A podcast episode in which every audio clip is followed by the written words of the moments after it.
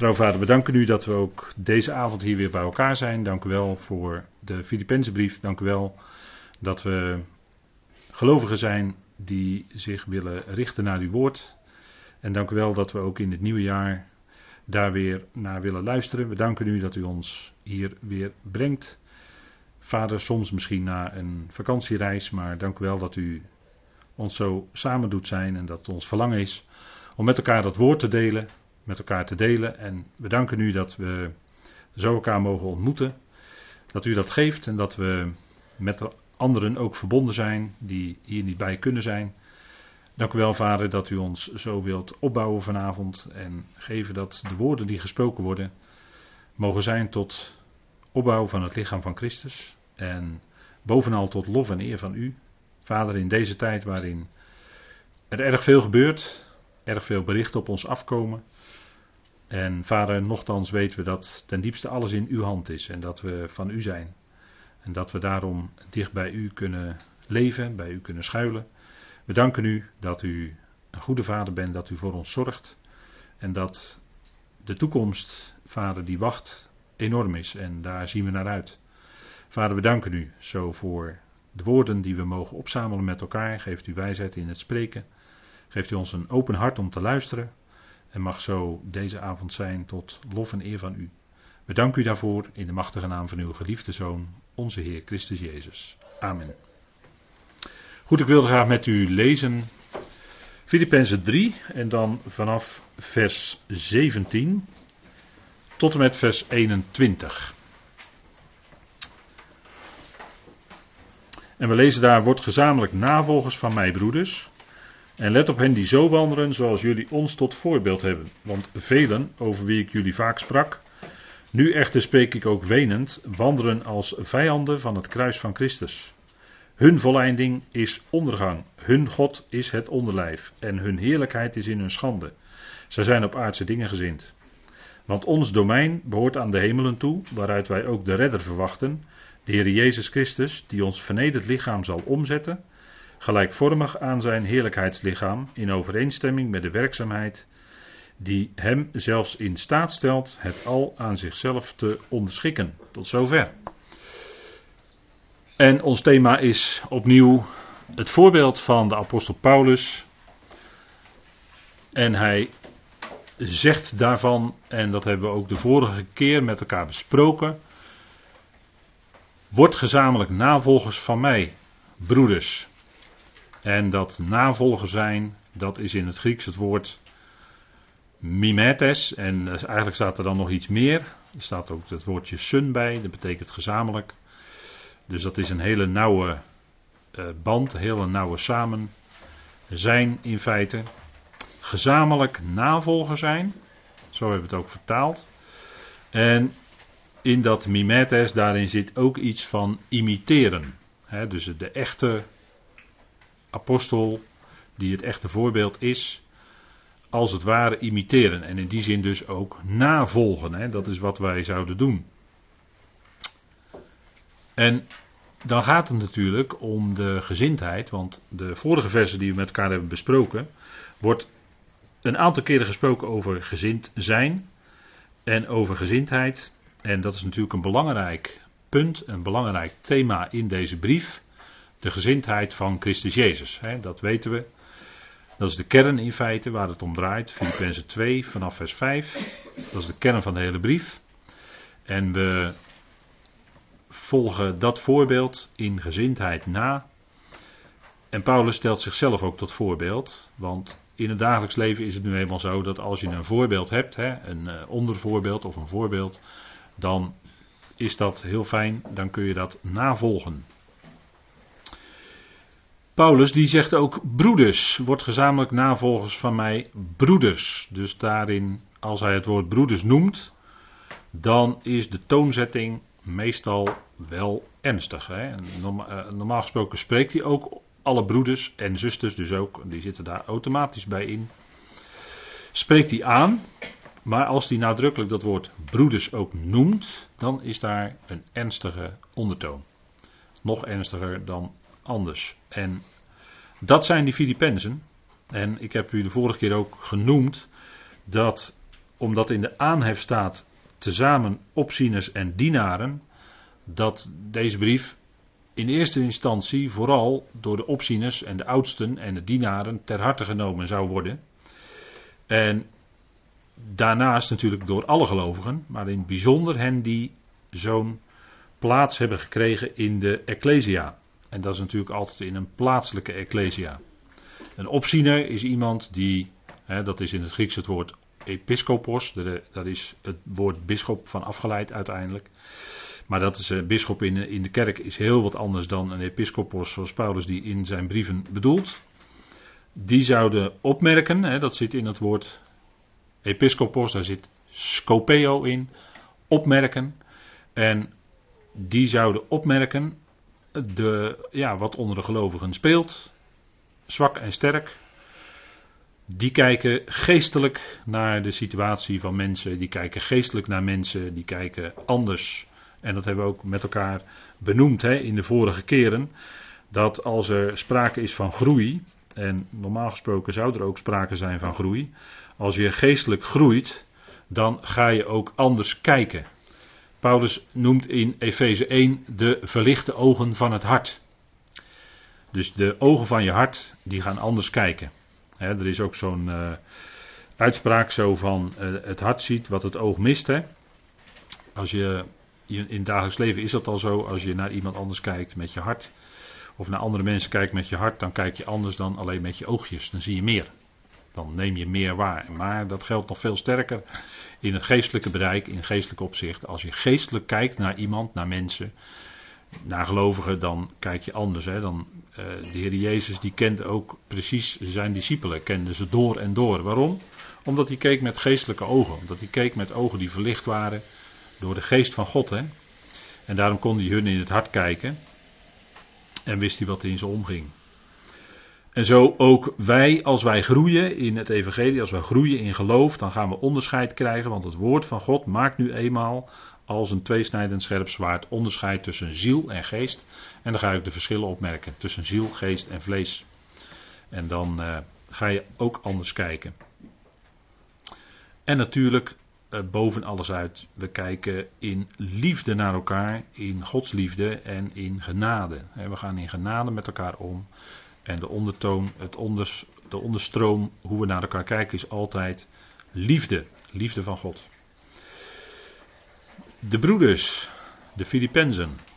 Zij waren nauw met Paulus verbonden en hij kon aan hen dan ook meer delen dan aan andere gelovigen. Want als je het verschil ziet tussen brieven aan de Corinthiërs en de brieven aan de Filippenzen, ja, daar zit een heel groot verschil in. Dus hij kon aan die Filippenzen kon hij meer kwijt, veel dieper. En dat is ook zo. Uh, je kunt niet altijd in iedere kring kun je dezelfde dingen zeggen. Soms kun je maar tot een bepaald niveau gaan, een bepaalde diepte. En in een andere kring kun je veel dieper gaan. Omdat je weet dat daar dan mensen zijn die al heel erg uh, ingevoerd zijn in het evangelie. En heel diep Gods woord mogen kennen. Dan kun je de dingen veel dieper met elkaar bespreken. En zo was het ook bij Paulus. Uiteraard, die kon met niet met, niet met iedereen, hè, dat zei hij ook tegen de Corinthiërs. Hij kon hun niet aan iedereen die uh, verborgenheden, die geheimenissen van God bekendmaken. Want uh, omdat er nog veel vleeselijkheid was, waren veel vleeselijke gelovigen. En aan, aan hen kon hij de dingen niet kwijt. De geestelijke dingen. Maar wel aan de volwassenen. Hè, daar zegt hij onder de gerijpten spreken wij wijsheid. Niet van deze aion, maar de wijsheid van God de wijsheid van God en die heeft alles te maken in de kern ook met het kruis. En daar gaat het natuurlijk ook vanavond om. dat hebben we met elkaar gelezen. Vijanden van het kruis van Christus, daar ligt de nadruk op. En die navolgers van Paulus, uh, die volgden zijn onderwijs en die volgden zijn voorbeeld. Nou, het, zij wilden niet wijken van zijn onderwijs. En ze volgden zijn voorbeeld. En dat is al heel wat als ze zijn onderwijs volgden en ook daarbij blijven. Hè, want dat zeg je dan wel eens tegen elkaar in een gesprek, dat het goed is om te blijven bij de genade van God. Niet af te wijken naar links of rechts, nee, blijven bij de genade van God. Dat is belangrijk. Want er is zoveel om ons heen wat gepredikt wordt, wat in de kern religieus is, of waar toch een stukje zuurdesem doorheen zit, en als u de gelaten brief heeft geluisterd, dan begrijpt u precies wat ik nu zeg. Daar zit dan een stukje zuurdesem doorheen en dat zou je dan onderkennen. En er is zoveel wat, wat, waarin iets van zuurdesem bijgemengd is. Ja, dan is het niet zuiver meer, want een klein beetje zuurdesem maakt het hele deeg zuur. Dat weet u uit het dagelijks leven. En dat is ook zo met het evangelie. Het is pure genade van God. En daar kun je niet een heel klein beetje wet bij mengen. Dat gaat niet. Want dan, dan ga je de zaak verzuren. En dat is ook wat gebeurt. Dat is wat gebeurt. En dat was ook bij die Galaten gebeurd. Maar Paulus kon zeggen: Word gezamenlijk navolgers van mij. Daar zat geen flintertje arrogantie bij van Paulus. Maar dat was heel ootmoedig geschreven. Omdat hij zelf heel diep leed met het evangelie. En omdat hij daarin Christus navolgde. Daarom zit er bij zo'n uitspraak van Paulus, in deze context, absoluut geen flintertje hoogmoed of wat dan ook. Daar heeft er helemaal niets mee te maken. Hij zegt juist, volg mij, en dat wil dus ook zeggen, mijn evangelie. He, wordt, Paulus zegt in zijn brieven drie keer, mijn evangelie. En dat onderscheidt dus van dat andere evangelie van de besnijdenis. Wat ook gewoon een echt evangelie is. Maar het is het evangelie van de besnijdenis wat Petrus en consorten verkondigden. En dat heeft zo zijn legitieme plek in Gods plan. Maar in deze tijd geldt mijn evangelie zoals Paulus dat zegt. En hij noemt het maar liefst drie keer, twee keer in Romeinen, één keer in Timotheus. En hij spreekt over ons evangelie. Noemt hij twee keer in Thessalonicense en één keer in de Korinthebrief. Ons evangelie. En daarmee positioneert hij zich heel duidelijk ten opzichte van de besnijdenis, apostelen. Het is ons evangelie en jullie besnijdenisapostelen, jullie hebben het evangelie van de besnijdenis. Heel duidelijk hè, die verschillen. Waarom zou het anders in de Bijbel staan? Moet u me antwoord op geven. Als u denkt dat het anders is, dan vraag ik aan u, waarom staat dat dan in de Bijbel? Waarom noemt Paulus dat dan zo? En volgens mij is het enige antwoord, is het omdat hij inderdaad een uniek evangelie toevertrouwd had gekregen van de verheerlijkte Heer, wat hij moest brengen en wat hij ook bracht met zijn medewerkers. En dat onderscheidde zich van de anderen. En er werd gewoon door de apostelen, dat weet u, hebben we in Galaten gezien, werd volledig geaccepteerd. Ze gaven elkaar de rechterhand van de gemeenschap, de zuilen van de besnijdenis. En ze accepteerden dat evangelie volledig, dat Paulus met dat evangelie een andere route ging. En daarom zegt hij ook tegen Timotheus, Timotheus, jij bent mij volledig nagevolgd. Navolgen als Paulus ons roept om gezamenlijk navolgers van hem te zijn, dan is dat zoals een Timotheus. Hè? Dat, is, dat is het ideaal. En Timotheus wordt ook als voorbeeld genoemd in de Filipijnse brief. Maar even met elkaar opzoeken, 2 Timotheus 3.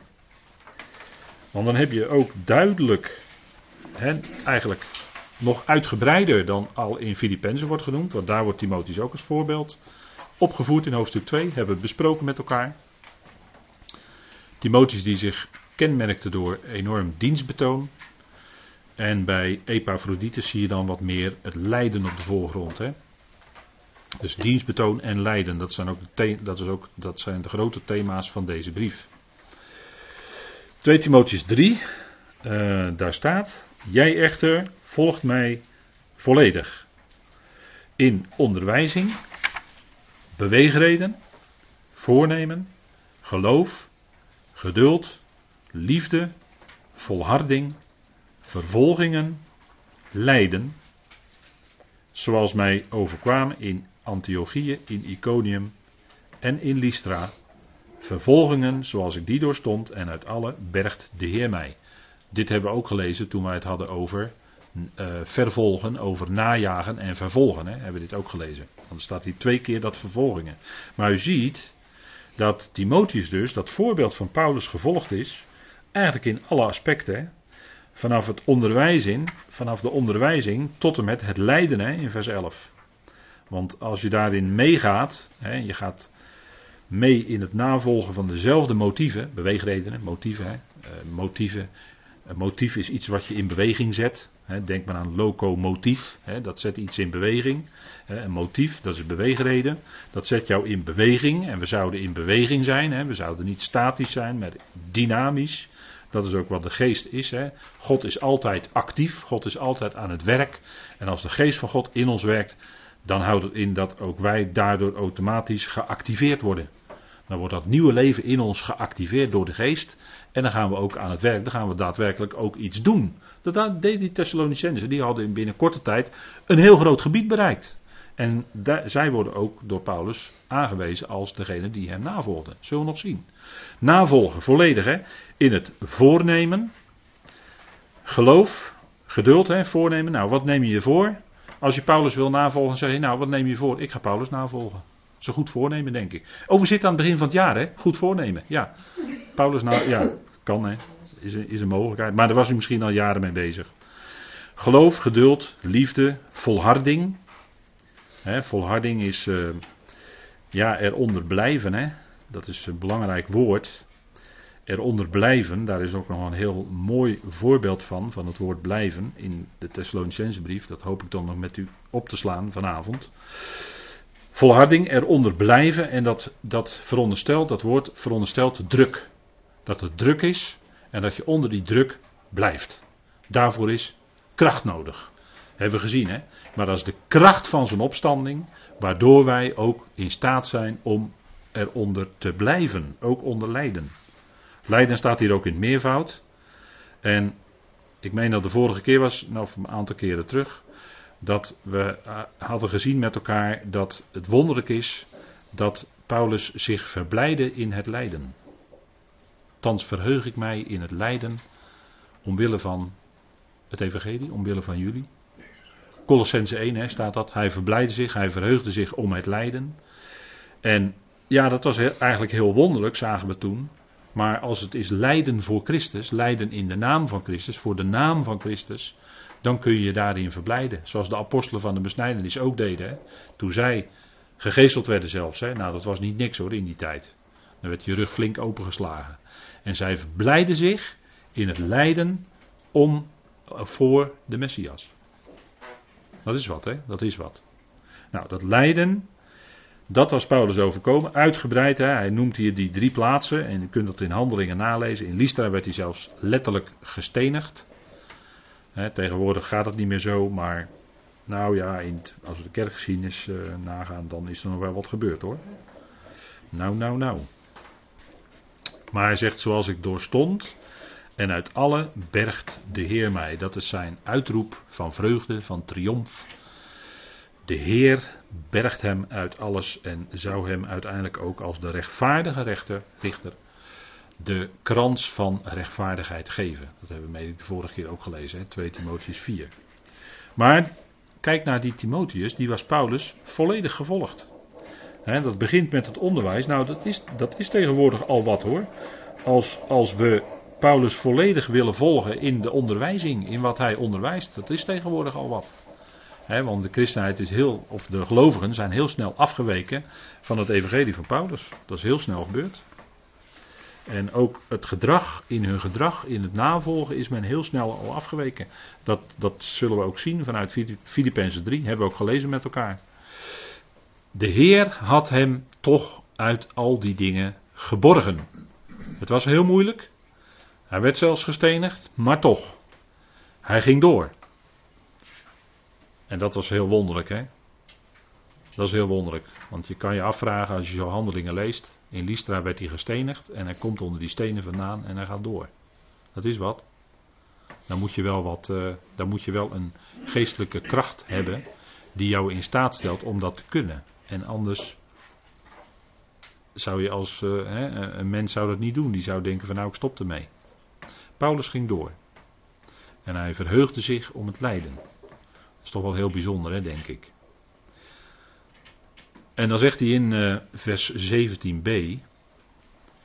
En let op hen die zo wandelen zoals jullie ons tot voorbeeld hebben. Nou, die ons, dat is dan Paulus en zijn medewerkers, hè, Timotheus, Epaphroditus, worden in de brief genoemd. Zoals, maar let op hen die zo wandelen. Hè. Dus gelovigen, kijk naar hen die zo wandelen. Zoals Paulus, in die gezindheid. In die ootmoedigheid. Zo, hè. En dat opletten, dat is, het, dat, dat is het woord wat ook in, wat ik al net noemde, in dat woord opziener zit. Dat is het woord scopeo, dat is, uh, dat is aandachtig, aandachtig bekijken.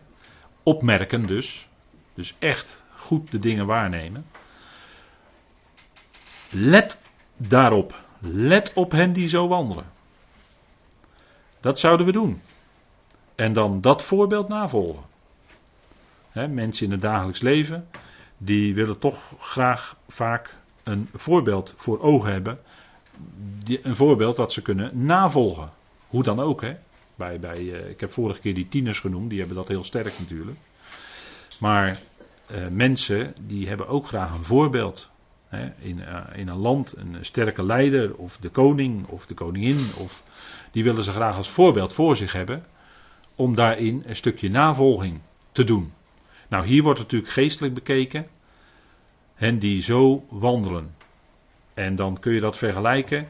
En dan kun je als toetssteen neerleggen. Kijk, hoe, hoe wandelde Paulus nou en Timotheus en, en die medewerkers in die tijd? Kunnen we terughalen uit de brieven. Wat voor aspecten komen er dan naar voren? Vrucht van de geest. Ootmoedige gezindheid. Hè, bewogenheid. Betrokkenheid bij de andere gelovigen, niet uit op eigen roem, op eigen eer. niet, uh, niet zich verheffen boven anderen. Uh, niet als ze gelasterd worden, hebben we vorige keer gelezen. als ze gelasterd worden, dan goed spreken.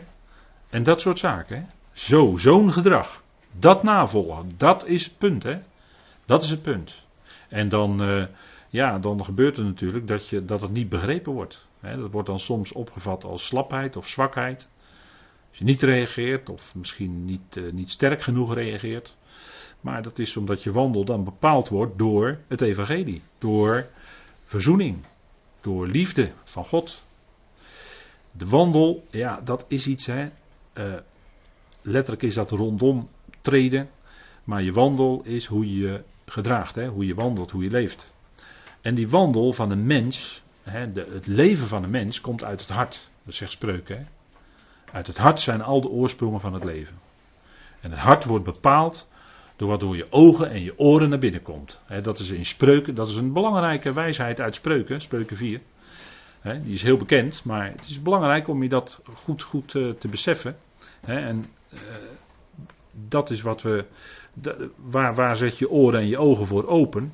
Nou, zegt u ja, wij willen toch graag onze oren en ogen openzetten voor Gods woord bij tijd en gelegenheid. Hè. Zodra we daar de kans voor hebben, dan doen we dat. En als je dat doet en je zet echt je, je poorten zo naar je hart open voor dat woord van God, voor dat evangelie. Ja, dan gaat er in je hart iets gebeuren. En dan gaat er van binnenuit gaat er iets veranderen. En dat komt dan ook naar buiten toe. En dat is een, ja, kijk, en dat hele proces, hè, die verandering begint bij je denken, hè, dat zegt Paulus ook in Romeinen. De verandering begint bij je denken, maar daarvoor is het wel nodig om die woorden van God naar binnen te halen. En dat is, dat is denk ik een hele goede zaak om dat te doen met regelmaat. En dat werkt, dat werkt, dat werkt iets uit. Dat werkt daadwerkelijk iets uit in je hart, in je leven. En dus ook in je gedragingen dan naar andere mensen toe. En dat merken mensen op als iemand echt, echt tot geloof komt, heel bewust. Ja, dan zegt de buitenwereld, die zegt van nou, eh, die en die, die was eerst zo, maar die is veranderd, zeg. Die is nu heel anders dan vroeger. Heel anders dan voorheen. Dat is wat, het, e- wat, dat is wat Gods woord doet, hè. Wat het evangelie doet van binnenuit. Je veranderen. Ja, zodat je gedragingen anders worden. En dat is meestal het eerste te merken aan wat je spreekt. Want hoe de mens is, dat, wordt altijd, dat merk je altijd het eerste aan wat uit de mond uitgaat, hè. Kijk, maar een van de eerste dingen die Paulus noemt in Romeinen 3 is de mens onder de zonde. En wat noemt hij dan als eerste? Nou, de tong, de lip, de keel. Uh, wat daaruit komt allemaal. Nou, daar, daar komt. Uh, hè, dan gebruikt Paulus hele sterke stijlfiguren hoor. Hè, wat denkt u van de mens onder de zonde? En dan zegt hij van. De eerste die die zegt is: hun keel is een geopend graf. Nou, dat is een hele sterke stijlfiguur. Hè? Dat we zeggen dat er van, wat er uit die mond uitgaat, daar komt een hele bedenkelijke lucht vanaf. Heel bedenkelijk. En dat is ook zo. Luister maar hoe mensen praten, wat mensen zeggen. En als je echt luistert met geoefende oren, en je bent echt gescherpt door Gods woord, dan doet, dan, dan doet je dat pijn vaak. Hoe mensen over andere mensen spreken, wat mensen zeggen allemaal. Dan denk ik, goeiedag, weet je wel wat je zegt joh. Weet je wel wat je zegt? Dat is wat, wat, hè, wat, wat uit de mond uitgaat. En kijk, de, uh, Paulus die, ja, dat was een hele, dat, dat is natuurlijk des Paulus, hè, zeggen we dan. Hè, Timotheus heeft het over Alexander en dan zegt hij zelfs dat hij die aan de tegenstander heeft overgegeven. Waarom? Opdat het lasteren, dat is dus met de mond, hè, opdat het lasteren, dat dat zou afgebroken zou worden. Laat ik maar even met mijn eigen woorden zeggen. Lasteren. Lasteren is blasfemie. In het Grieks blasfemie, wij kennen dat woord ook wel in het Nederlands. Hè, dat is dan een vernederlandste. Maar dat betekent iemand door wat jij zegt, wat jij verklaart, dat je iemand daardoor beschadigt. Dat is, dat is wat het Griekse woord letterlijk zegt. En dat zou toch onder gelovigen niet voorkomen. Dat zou toch onder gelovigen niet voorkomen. Maar ja, maar ja. Ook daarin moet daar nodige aangescherpt worden. Hè? En Paulus heeft het toch met regelmaat hoor. Als, als hij spreekt over de wandel in zijn brieven, dan uh, constateert hij kennelijk toch dingen bij gelovigen. En dan, dan schrijft hij daarover. Hè, denk maar aan de Efezebrief of aan Colossense. Ja, daar, daar zegt hij wel degelijk iets over wat mensen zeggen. Want dat is vaak toch wel heel bepalend. Wat gaat onze mond uit, hè?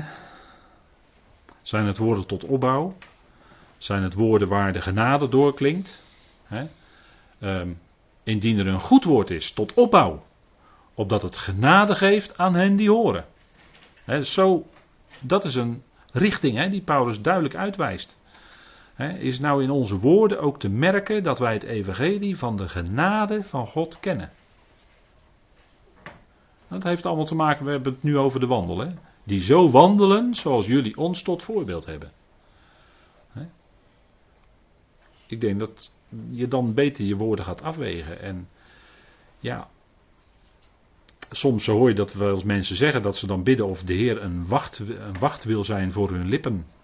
Zo, dat ze de Heer daarom bidden. Heer, wilt u een wacht stellen voor mijn lippen? Met andere woorden, dat ik dingen zeg die goed zijn, die met genade. Ja. Oren en ogen, dat is zo belangrijk, hè? Bij mensen zitten die nog alles verstopt. En ook bij gelovigen zijn die soms maar gedeeltelijk open. Kijk, de Heer heeft enorme kracht. De Heer opent ogen. De Heer opent oren. Dat kun je zelf niet. Dat doet Hij. En ook daarin zijn we weer van Hem afhankelijk. Hè? Je beseft zo enorm je afhankelijkheid van God. In al die dingen. Hè? En dat zien we heel duidelijk als de Heer Jezus hier op aarde rondwandelt. En er komt dan die blindgeborene tegen. In Johannes 9. Dan opent hij hem de ogen. Nou, moet u kijken hoe, wat, wat er dan voor gesprekken op volgt hè, met die fariseeën en schriftgeleerden. Dan moet je maar eens nalezen. Dat is, dat is echt beschamend wat die allemaal, hoe dat dan allemaal gaat. En wat denkt u van de blinden die dan in Jericho zitten langs de kant van de weg? die twee blinden in Jericho. Nou, ik, dat is een Bijbelstudie waard hoor, waar Jericho staat, voor staat in de schrift. Jericho was de stad die er was, die er eigenlijk niet had mogen zijn, maar die er wel was. Zo hè. En dat is een parallel. Dat is een parallel, dat geef ik u even mee om er eens over na te denken. Dat is een parallel met deze oude wereld. De, deze oude wereld, die oorspronkelijk door God mooi geschapen was.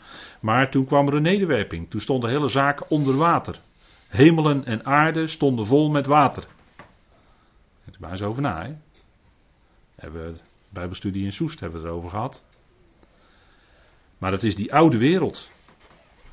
En eigenlijk, als je het gericht van God daarin nagaat, had deze wereld er niet mogen zijn, maar die is er toch.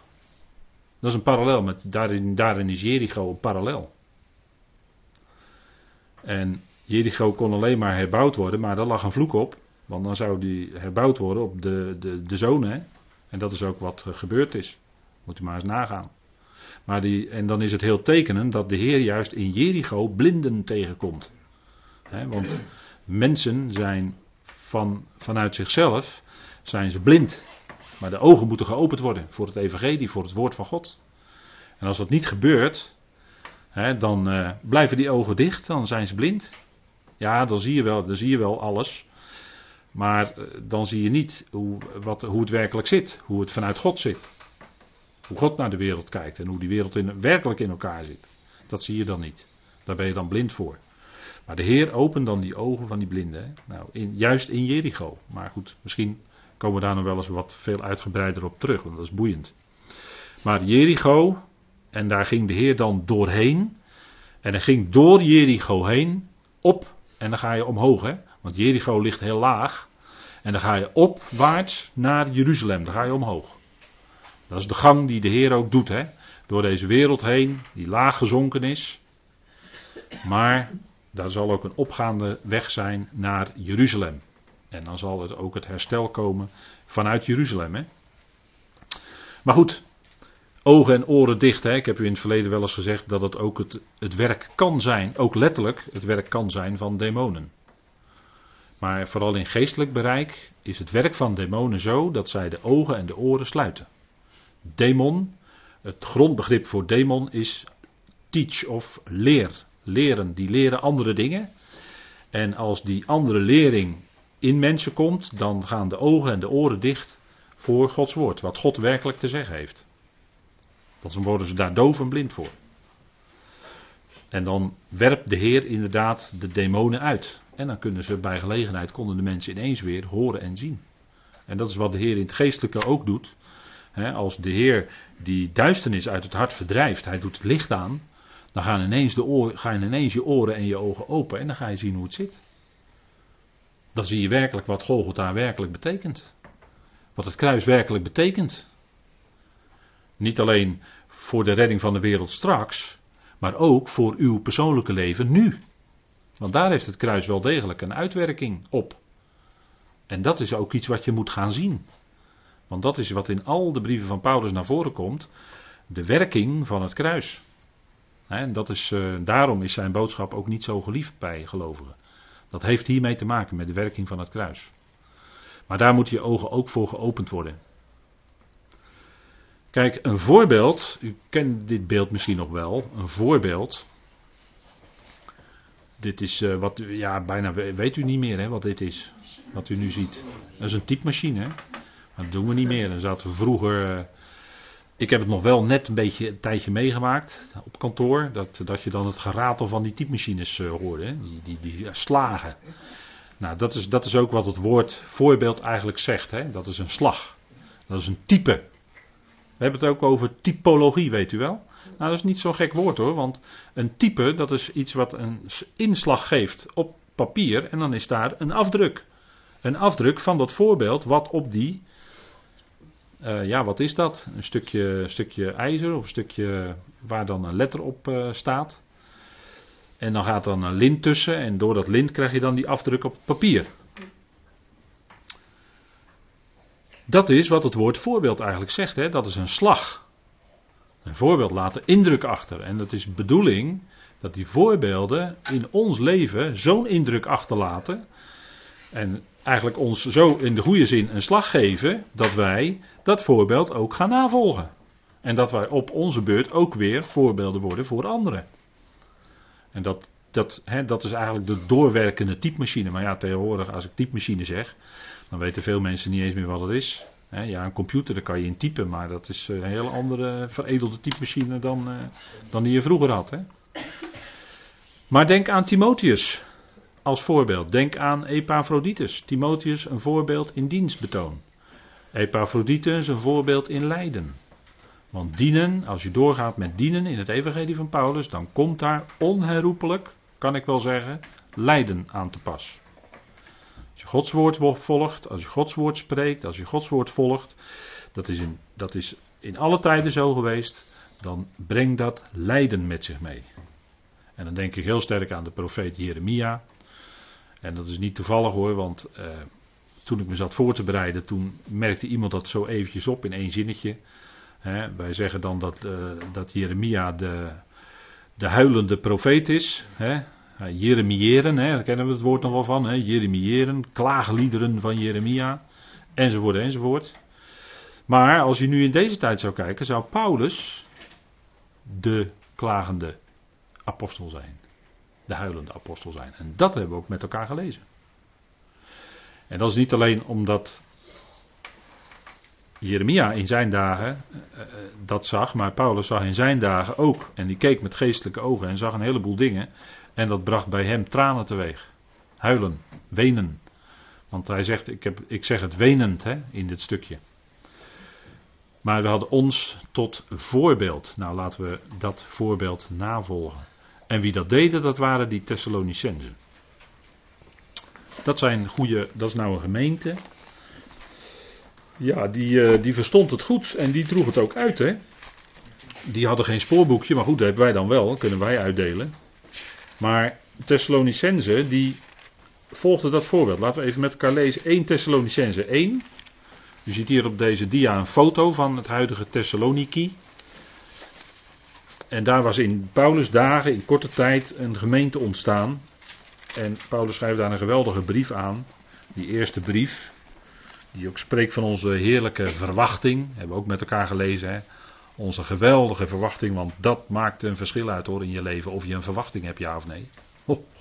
We zeggen in dagelijks leven hoop doet leven, maar dat is een erg afgevlakte gezegde van de enorme verwachting die wij hebben. En dat geeft ons kracht in ons leven hoor. Alsjeblieft. Alsjeblieft. Zo'n verwachting zoals wij mogen hebben. Ja, dat is fantastisch. Dat is geweldig. Daar kun je door leven. En dan staat er in 1 Thessalonicense 1 vers 6. Ook jullie zijn navolgers geworden van ons en van de Heer. Toen jullie het woord aannam. Te midden van veel verdrukking. Met blijdschap van de Heilige Geest zodat jullie voorbeelden geworden bent voor alle gelovigen in Macedonië en in Achaïe. Want vanuit jullie heeft het woord van de Heer luid geklonken, niet alleen in Macedonië en Achaïe, maar ook in alle plaatsen heeft jullie geloof in God zich verspreid, zodat het niet nodig is dat wij daarvan iets zeggen. Paulus had nog wel iets anders te zeggen in deze brief. Maar goed, dat was wat anders. Hierover had hij niets te zeggen, want zij droegen dat woord uit, het verspreidde zich en dat is wat wij ook mogen doen. We hebben prachtig materiaal voor. Hè? Het spoorboekje, geweldig. En wat denkt u van de kalender van God? Een boekje van broeder A1 nog. Hebben we stapels van liggen. Kunt u zo uitdelen. Kalender van God. dat is uh, geen scheurkalender, maar dat is een echte kalender waarin je overzicht krijgt. Dan zie je waar het naartoe gaat. En dan zie je zo al die tijdperiodes. En dat wordt allemaal uitgelegd. En ja, het adres op de envelop. Ja, ik kan natuurlijk wel doorgaan met al die dingen te. Adres op de envelop. Als je dat gaat zien, dan ga je je Bijbel lezen met hele andere ogen. Adres op de envelop. Aan wie is iets geschreven? Door wie werd het gezegd? Dat zijn hele simpele dingen, maar dat is dé manier om de Bijbel te gaan begrijpen. Als je het niet op die manier doet, begrijp je je Bijbel niet goed. Blijf je in, je, in de verwarring zitten die, die Thessalonicenzen, die, eh, die hadden dat uitgedragen. Dat woord was uitgegaan.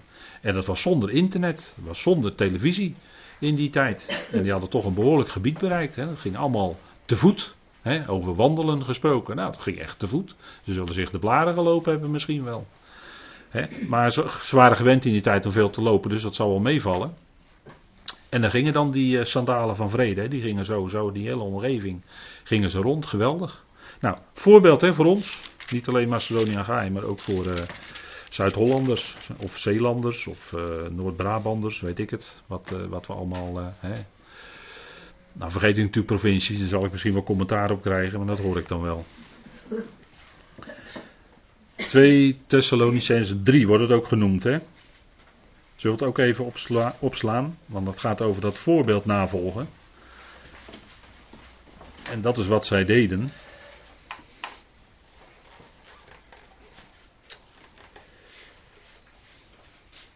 Eerst even vers 1 wil ik toch even meenemen. 2 Thessalonicenzen 3 vers 1. Verder broeders, bid voor ons dat het woord van de Heer zijn loop mag hebben, of mag rennen en verheerlijk mag worden, zoals ook bij jullie.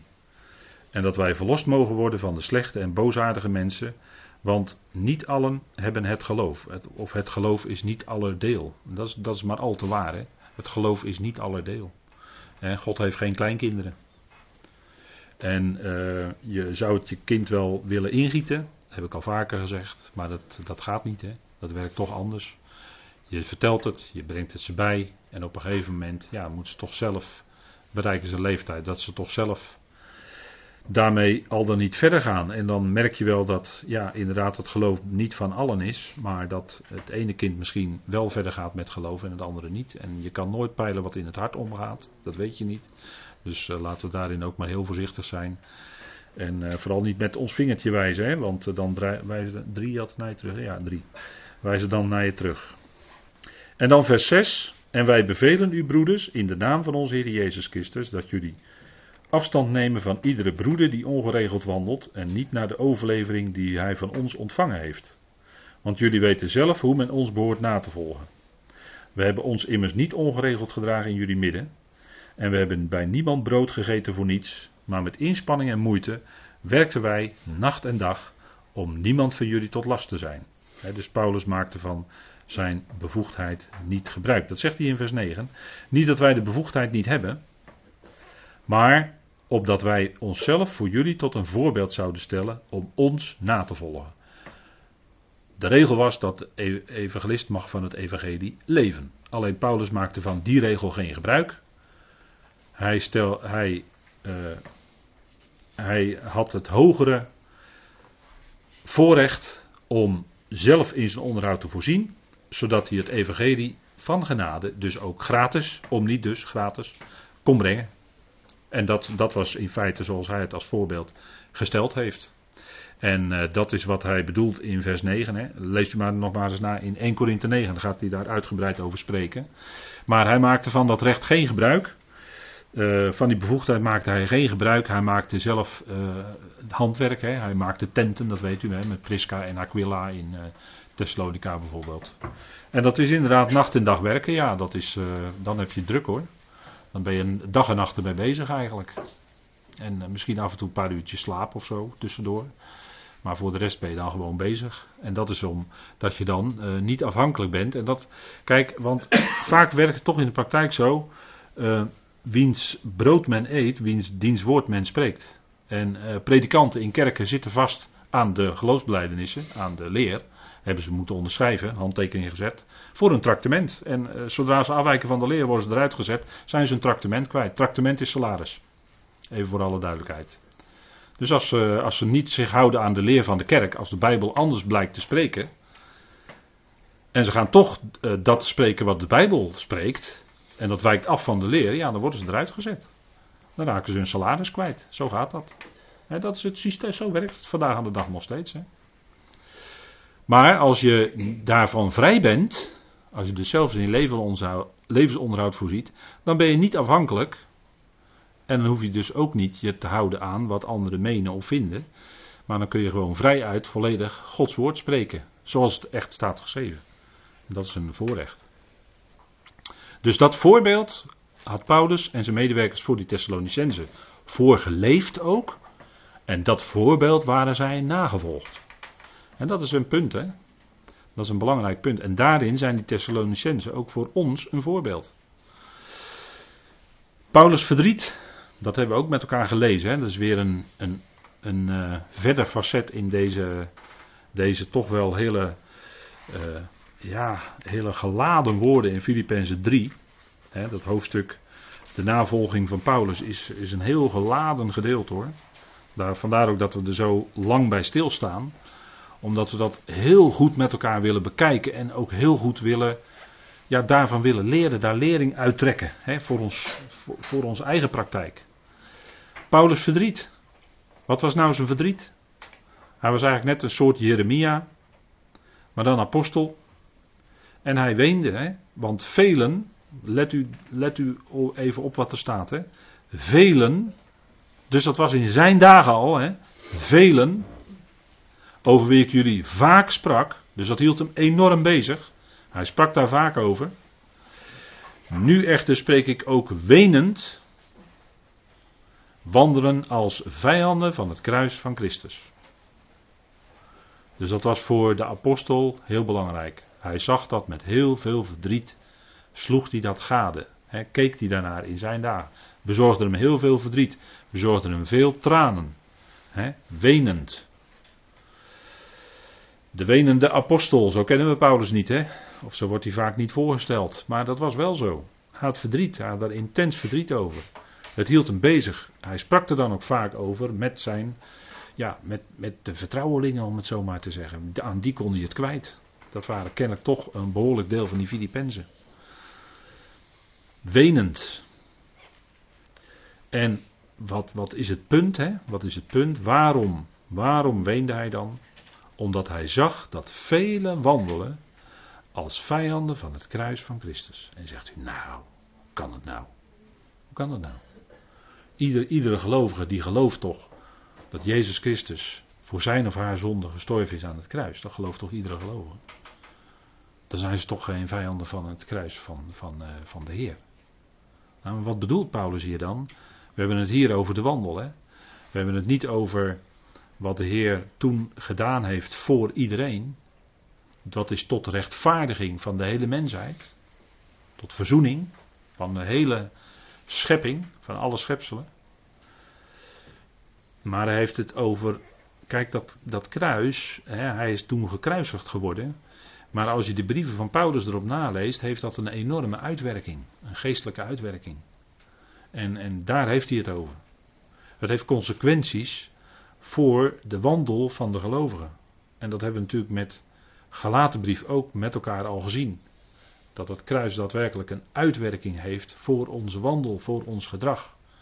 En hij zag, Paulus zag in zijn dagen al veel gelovigen die die consequenties van dat kruis van Christus niet, kennelijk niet accepteerden of misschien moeten we in eerste instantie zeggen, niet zagen. Het drong niet tot hen door. En daarom konden ze zich er ook niet naar gedragen. Of het drong wel door, maar ze wilden het heel bewust niet. En ze gingen toch door in hun eigen gedrag, laat ik het zo maar zeggen. En er waren kennelijk in Paulus' dagen vele. Vele. Dat zegt hij hier. En dat bracht hem verdriet. En, en als we dan gaan kijken aan wie die schreef. We hebben het vaak over die Corinthiërs. Hè? Wat denkt u van de Corinthiërs? Jullie zijn nog vleeselijk, zegt hij. Jullie zijn nog onmondig. Jullie gedragen je als kleine kinderen ten opzichte van elkaar. Onvolwassen. Niet rijp.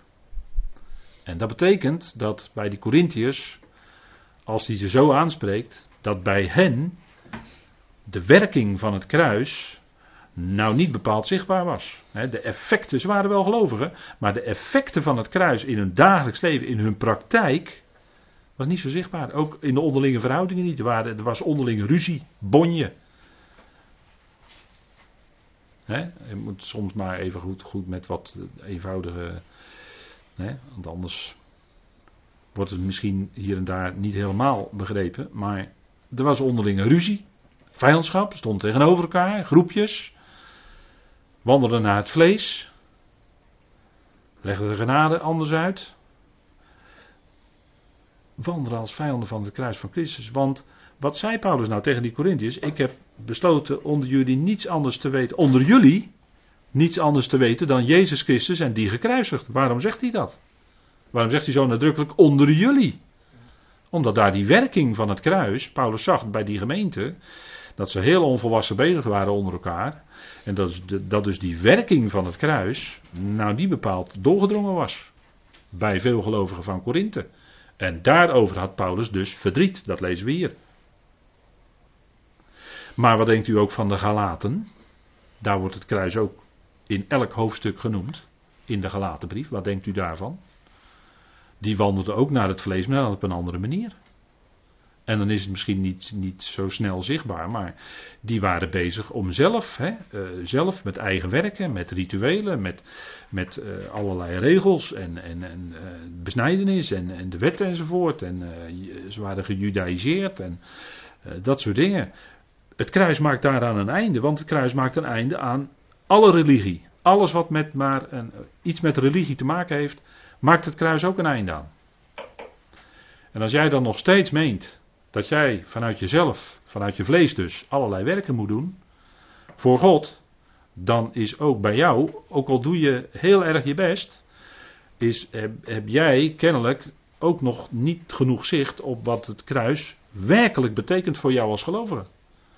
Namelijk dat jij met hem, naar je oude mens, mede gekruisigd bent. En daar de consequenties van. Daar gaat het om. En dat is wat Paulus bij veel gelovigen in zijn dagen al niet of nauwelijks constateerde. En dan zou je bijna zeggen, hoeveel te meer in de dagen waarin wij leven. Hoeveel te meer. hoe weinig, hoe weinig merk je bij gelovigen en eh, hoe weinig, let maar eens op in het algemeen, hoe weinig wordt er gesproken. En dan trek ik het heel breed hoor. Hoe weinig wordt er gesproken over deze dingen. Dat, je, dat die hele oude mens, dat je als oude mens dus mede gekruisigd bent met Christus en daar de consequenties van. Dat hoor je heel weinig prediken hoor. Heel weinig. Gaat heel vaak om. Dat hè, er wordt heel, heel vaak heel mooi gesproken hoor. Heel mooi. Wat dat betreft wordt heel mooi gesproken. Maar het is allemaal je, bezig zijn met, met goede dingen. Uh, de, de wereld wat verbeteren. Begin met verbeteren van de wereld en begin bij jezelf. doe iets voor de naaste, maar zorg eerst dat je zelf je zaakjes. En, en doe allemaal goede dingen enzovoort. Zo wordt er vaak gesproken. Maar niet, maar niet met als basis. Ik zeg niet dat het verkeerd is. Maar niet als basis de werking van het kruis. En dat is wat Paulus hier bedoelt. Hè? Het gaat hier. Kijk, veel mensen die zeggen: Ja, ik heb de Heer lief, want hij is voor mij aan het kruis gestorven en hij is opgestaan. En ik prijs de Heer elke zondag in de samenkomst. En uh, dat vind ik geweldig. Um, en, en dan hebben ze de Heer lief. Maar hier gaat het niet om vijanden van Christus. Hier gaat het om vijanden van het kruis van Christus. Daar ligt de nadruk op in de uitdrukking. Ze wandelen als, zonder dat ze het zelf beseffen, maar ze wandelen als vijanden van het kruis van Christus. De uitwerking van het kruis, dat duwen ze eigenlijk van zich af. Of ze horen het niet eens. Het wordt niet gepredikt. Kan ook. En dan is het onwetendheid. Maar het kan ook heel bewust zijn dat ze, dat ze het wel horen, maar heel bewust zeggen: nee, dat, daar, daar wil ik niet aan mee. Zover wil ik niet mee. Daar ga ik niet in mee. Dat wil ik niet. Ik wil die consequentie niet in mijn leven. En die blijven dan hangen op een bepaald niveau, om het zo maar te zeggen. Dat is waar Paulus het over heeft. Hè. Velen, zegt hij, en dat was in zijn dagen al zo, hoeveel te meer in onze dagen. Men, uh, ja, men, men uh, hè, men misbruikte de genade voor losbandigheid. Bijvoorbeeld. Bijvoorbeeld. Men liet dingen toe waarvan het evangelie en waarvan het kruis, de consequentie van het kruis, ja, maar dat, dat kan nooit, eh, dat is niet het gevolg van het kruis. Dan ga je gewoon door in je eigen vlees als je zo bezig bent. Dan ben je net als, de, ben je net als ieder ander. Waar is dan die verandering in je leven? Maar de Corinthiërs accepteerden dat. Genade misbruiken voor losbandigheid. Nee, dat is natuurlijk niet de bedoeling. Men acht vleeselijke banden belangrijker dan geestelijke bijvoorbeeld. Dat heeft allemaal te maken met die uitwerking van het kruis. Hè? Velen wandelen als vijanden van het kruis. Dat zijn diegenen, en dat zou je misschien ook niet verwachten. Maar kijk, zij accepteren dan wel wat Christus voor hen aan het kruis gedaan heeft. die velen accepteren dat wel, wat Christus voor hen aan het kruis gedaan heeft. Maar de diepe consequentie voor zichzelf, van wat het medegekruisel met Christus werkelijk betekent, dat accepteren ze niet. En dan spreekt Paulus over, inderdaad in Galaten 5, over het kruisigen, hè, of over de aanstoot van het kruis, Galaten 5 vers 11, om wat voorbeelden te noemen. Want dat, kijk, die, dat, die inwerking van het kruis, dat gaat heel diep hoor. Dat gaat heel ver. Dat maakt namelijk compleet einde aan die oude mens. En dat, dat is dan ook gelijk met open graf is het wel het startpunt van de nieuwe mens. Maar het maakt een compleet einde aan de oude mens. Gelaten 5 vers 11. Hebben we natuurlijk behandeld, hè? dus nu even kort. Maar ik broeders, indien ik nog besnijdenis verkondig, waarom word ik nog vervolgd? Dus is de valstrik van het kruis van Christus buiten werking gesteld. Dus Paulus zegt, als ik nog besnijdenis zou prediken, dus dat is een rituele handeling aan het vlees. Waarom zou die dan nog vervolgd worden? Hij predikte geen besnijdenis, absoluut niet. Want dan zou juist de valstrik van het kruis buiten werking gesteld worden. Als hij dat zou doen, Ja, dan zou die eh, zich op, op, op, op vleeselijke motieven, hè, dan zou die een vleeselijk motief hebben, dan zou die meewerken aan rituelen. Terwijl dat juist buiten werking gesteld is door het kruis. ook het, het uh, Joodse ritueel, om het zo maar te zeggen, ook dat is door het kruis buiten werking gesteld. In feite, want het hele, dat oude is allemaal dan voorbij. Gelaten 5 vers 24. Wie nu van Christus Jezus zijn, werking van het kruis, kruisigen, dat staat hier in de, als een feit, als een uh, niet aan tijd gebonden feit. Dat noemen we dat is de Griekse tijdvorm aorist. Dat is letterlijk geen horizon. Geen horizon hebben, dus is een tijdvorm waarin geen tijd wordt uitgedrukt, maar een feit. Wie nu van Christus Jezus zijn, kruisigen het vlees, tezamen met de hartstochten en begeerten. En idealiter, als alle gelovigen dat zouden doen, nou, dan zou je niet dat bedenkelijke rijtje hoeven noemen, wat daarvoor genoemd is, wat de werken van het vlees zijn, welke dan ook zijn: echtbreuk, hoererij, onreinheid, losbandigheid, afgodendienst, toverij, vijandschap, twist, ijver, gramschap, partijschappen, oneenigheden, secten, afgunst, moord, roes, brasserijen en dergelijke. Dat zou dan niet meer voorkomen onder gelovigen. Als ieder zou doen, wie nu van Christus Jezus zijn, kruisigen het vlees tezamen met de hartstochten en begeerten. Dat is niet één keer in het verleden. Nee, het is een feit. Dus elke dag. Dat is gewoon uh, iets wat doorgaat. Hè? Kijk, dat is de werking van het kruis. Dat is de uitwerking van het kruis. En dat Paulus dan bij die Galaten al die dingen nog moest noemen. Ja, daar kun je zo je conclusies aan verbinden natuurlijk. Daar kun je conclusies aan verbinden. En in het licht van wat we hier bespreken vanuit Filippenzen, dat Paulus wenend zegt dat velen wandelen als vijanden van het kruis. Dus als die zaken onder gelovigen voorkomen, dat bedenkelijke rijtje wat we net gelezen hebben, waar is dan de werking van het kruis? Dat is dan niet aanwezig. Dan ga je door in je vlees, alsof je niet gekruisigd bent. Toch? Nou, dat, dat is de consequentie ervan. Hè? Velen wandelen als vijanden van het kruis. Galaten 6 vanaf vers 12. Staat, wie er ook goed willen uitzien in het vlees.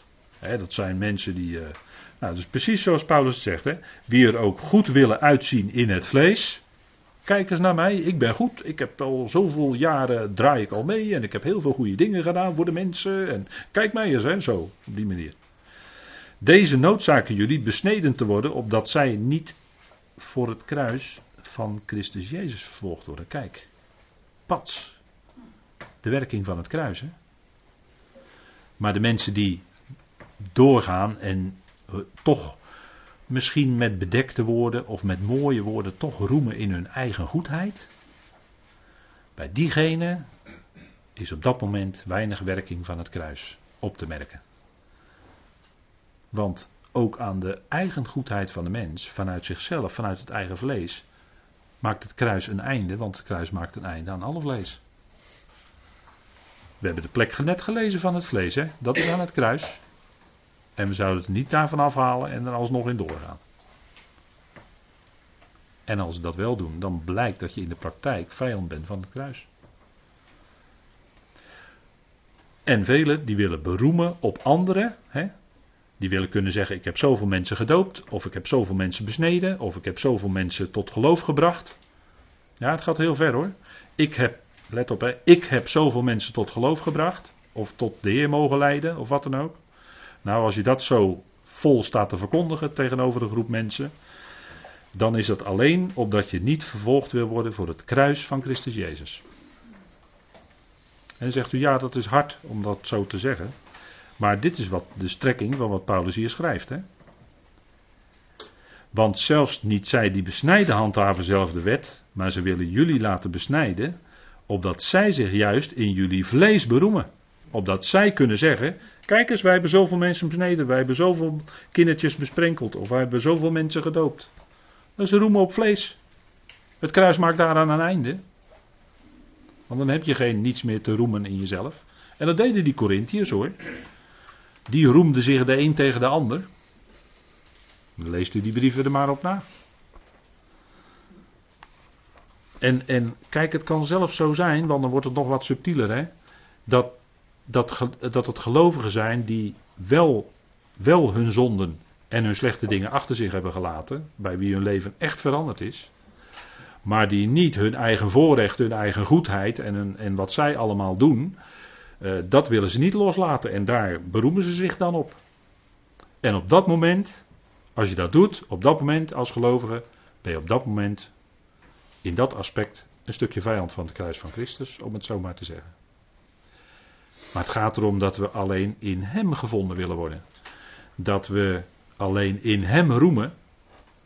En dan gaat onze menselijke trots, want daar heb ik het dan over. Als je zo praat, van ik heb dit, ik heb dat, ik heb zoveel, ik heb zus. Dat is menselijke trots. En menselijke trots, het kruis maakt daar een, dat is juist de schande van het kruis. Dat is juist de schande van het kruis.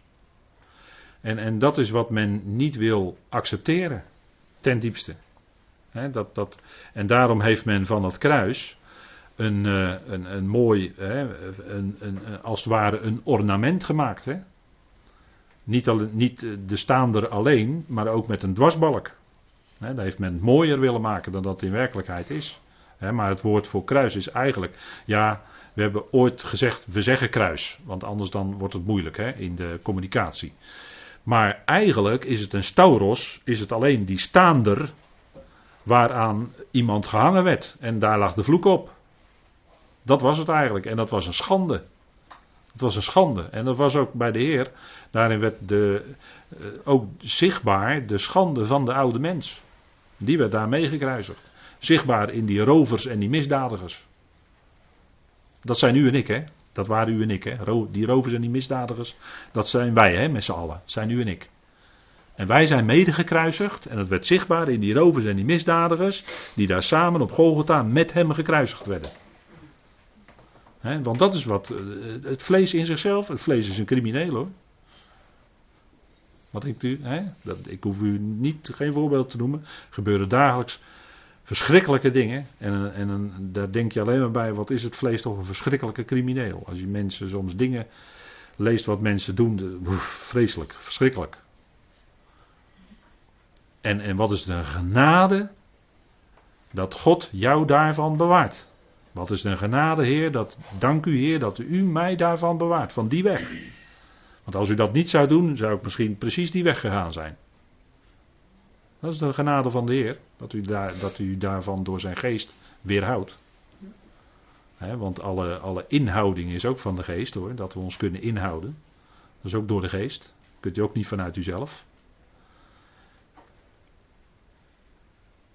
Kijk, het kruis maakt een einde aan menselijke trots.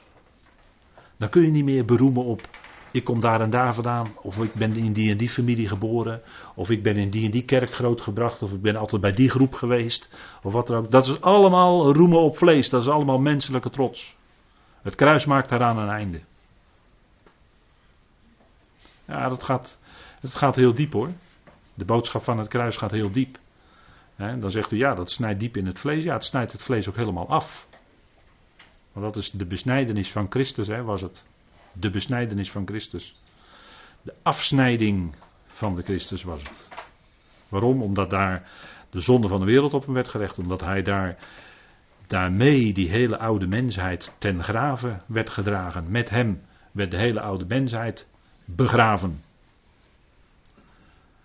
Een, een goede evangelist is eh, jaren geleden overleden, maar een goede evangelist. Waar ik veel van heb geleerd. Die zei: Als je wil weten hoe God denkt over de zonde, dan moet je kijken naar het kruis. Moet je kijken naar Golgotha. Zo denkt God over de zonde. En dat is, dat, is een, dat is een indringende boodschap, dat is een diepgaande boodschap. Maar dat is wel wat, wat, eh, wat Paulus dan bedoelt. Hè? En, en dan ga je ook iets meer begrijpen van zijn verdriet, van zijn enorme verdriet. Dat het dus om zich heen keek, ook bij de gelovigen. En dat hij velen zag die wandelden als vijanden van het kruis. Ja. Nou goed, we gaan even pauzeren. Dan kunnen we weer even op adem komen hè, na al dit. eh,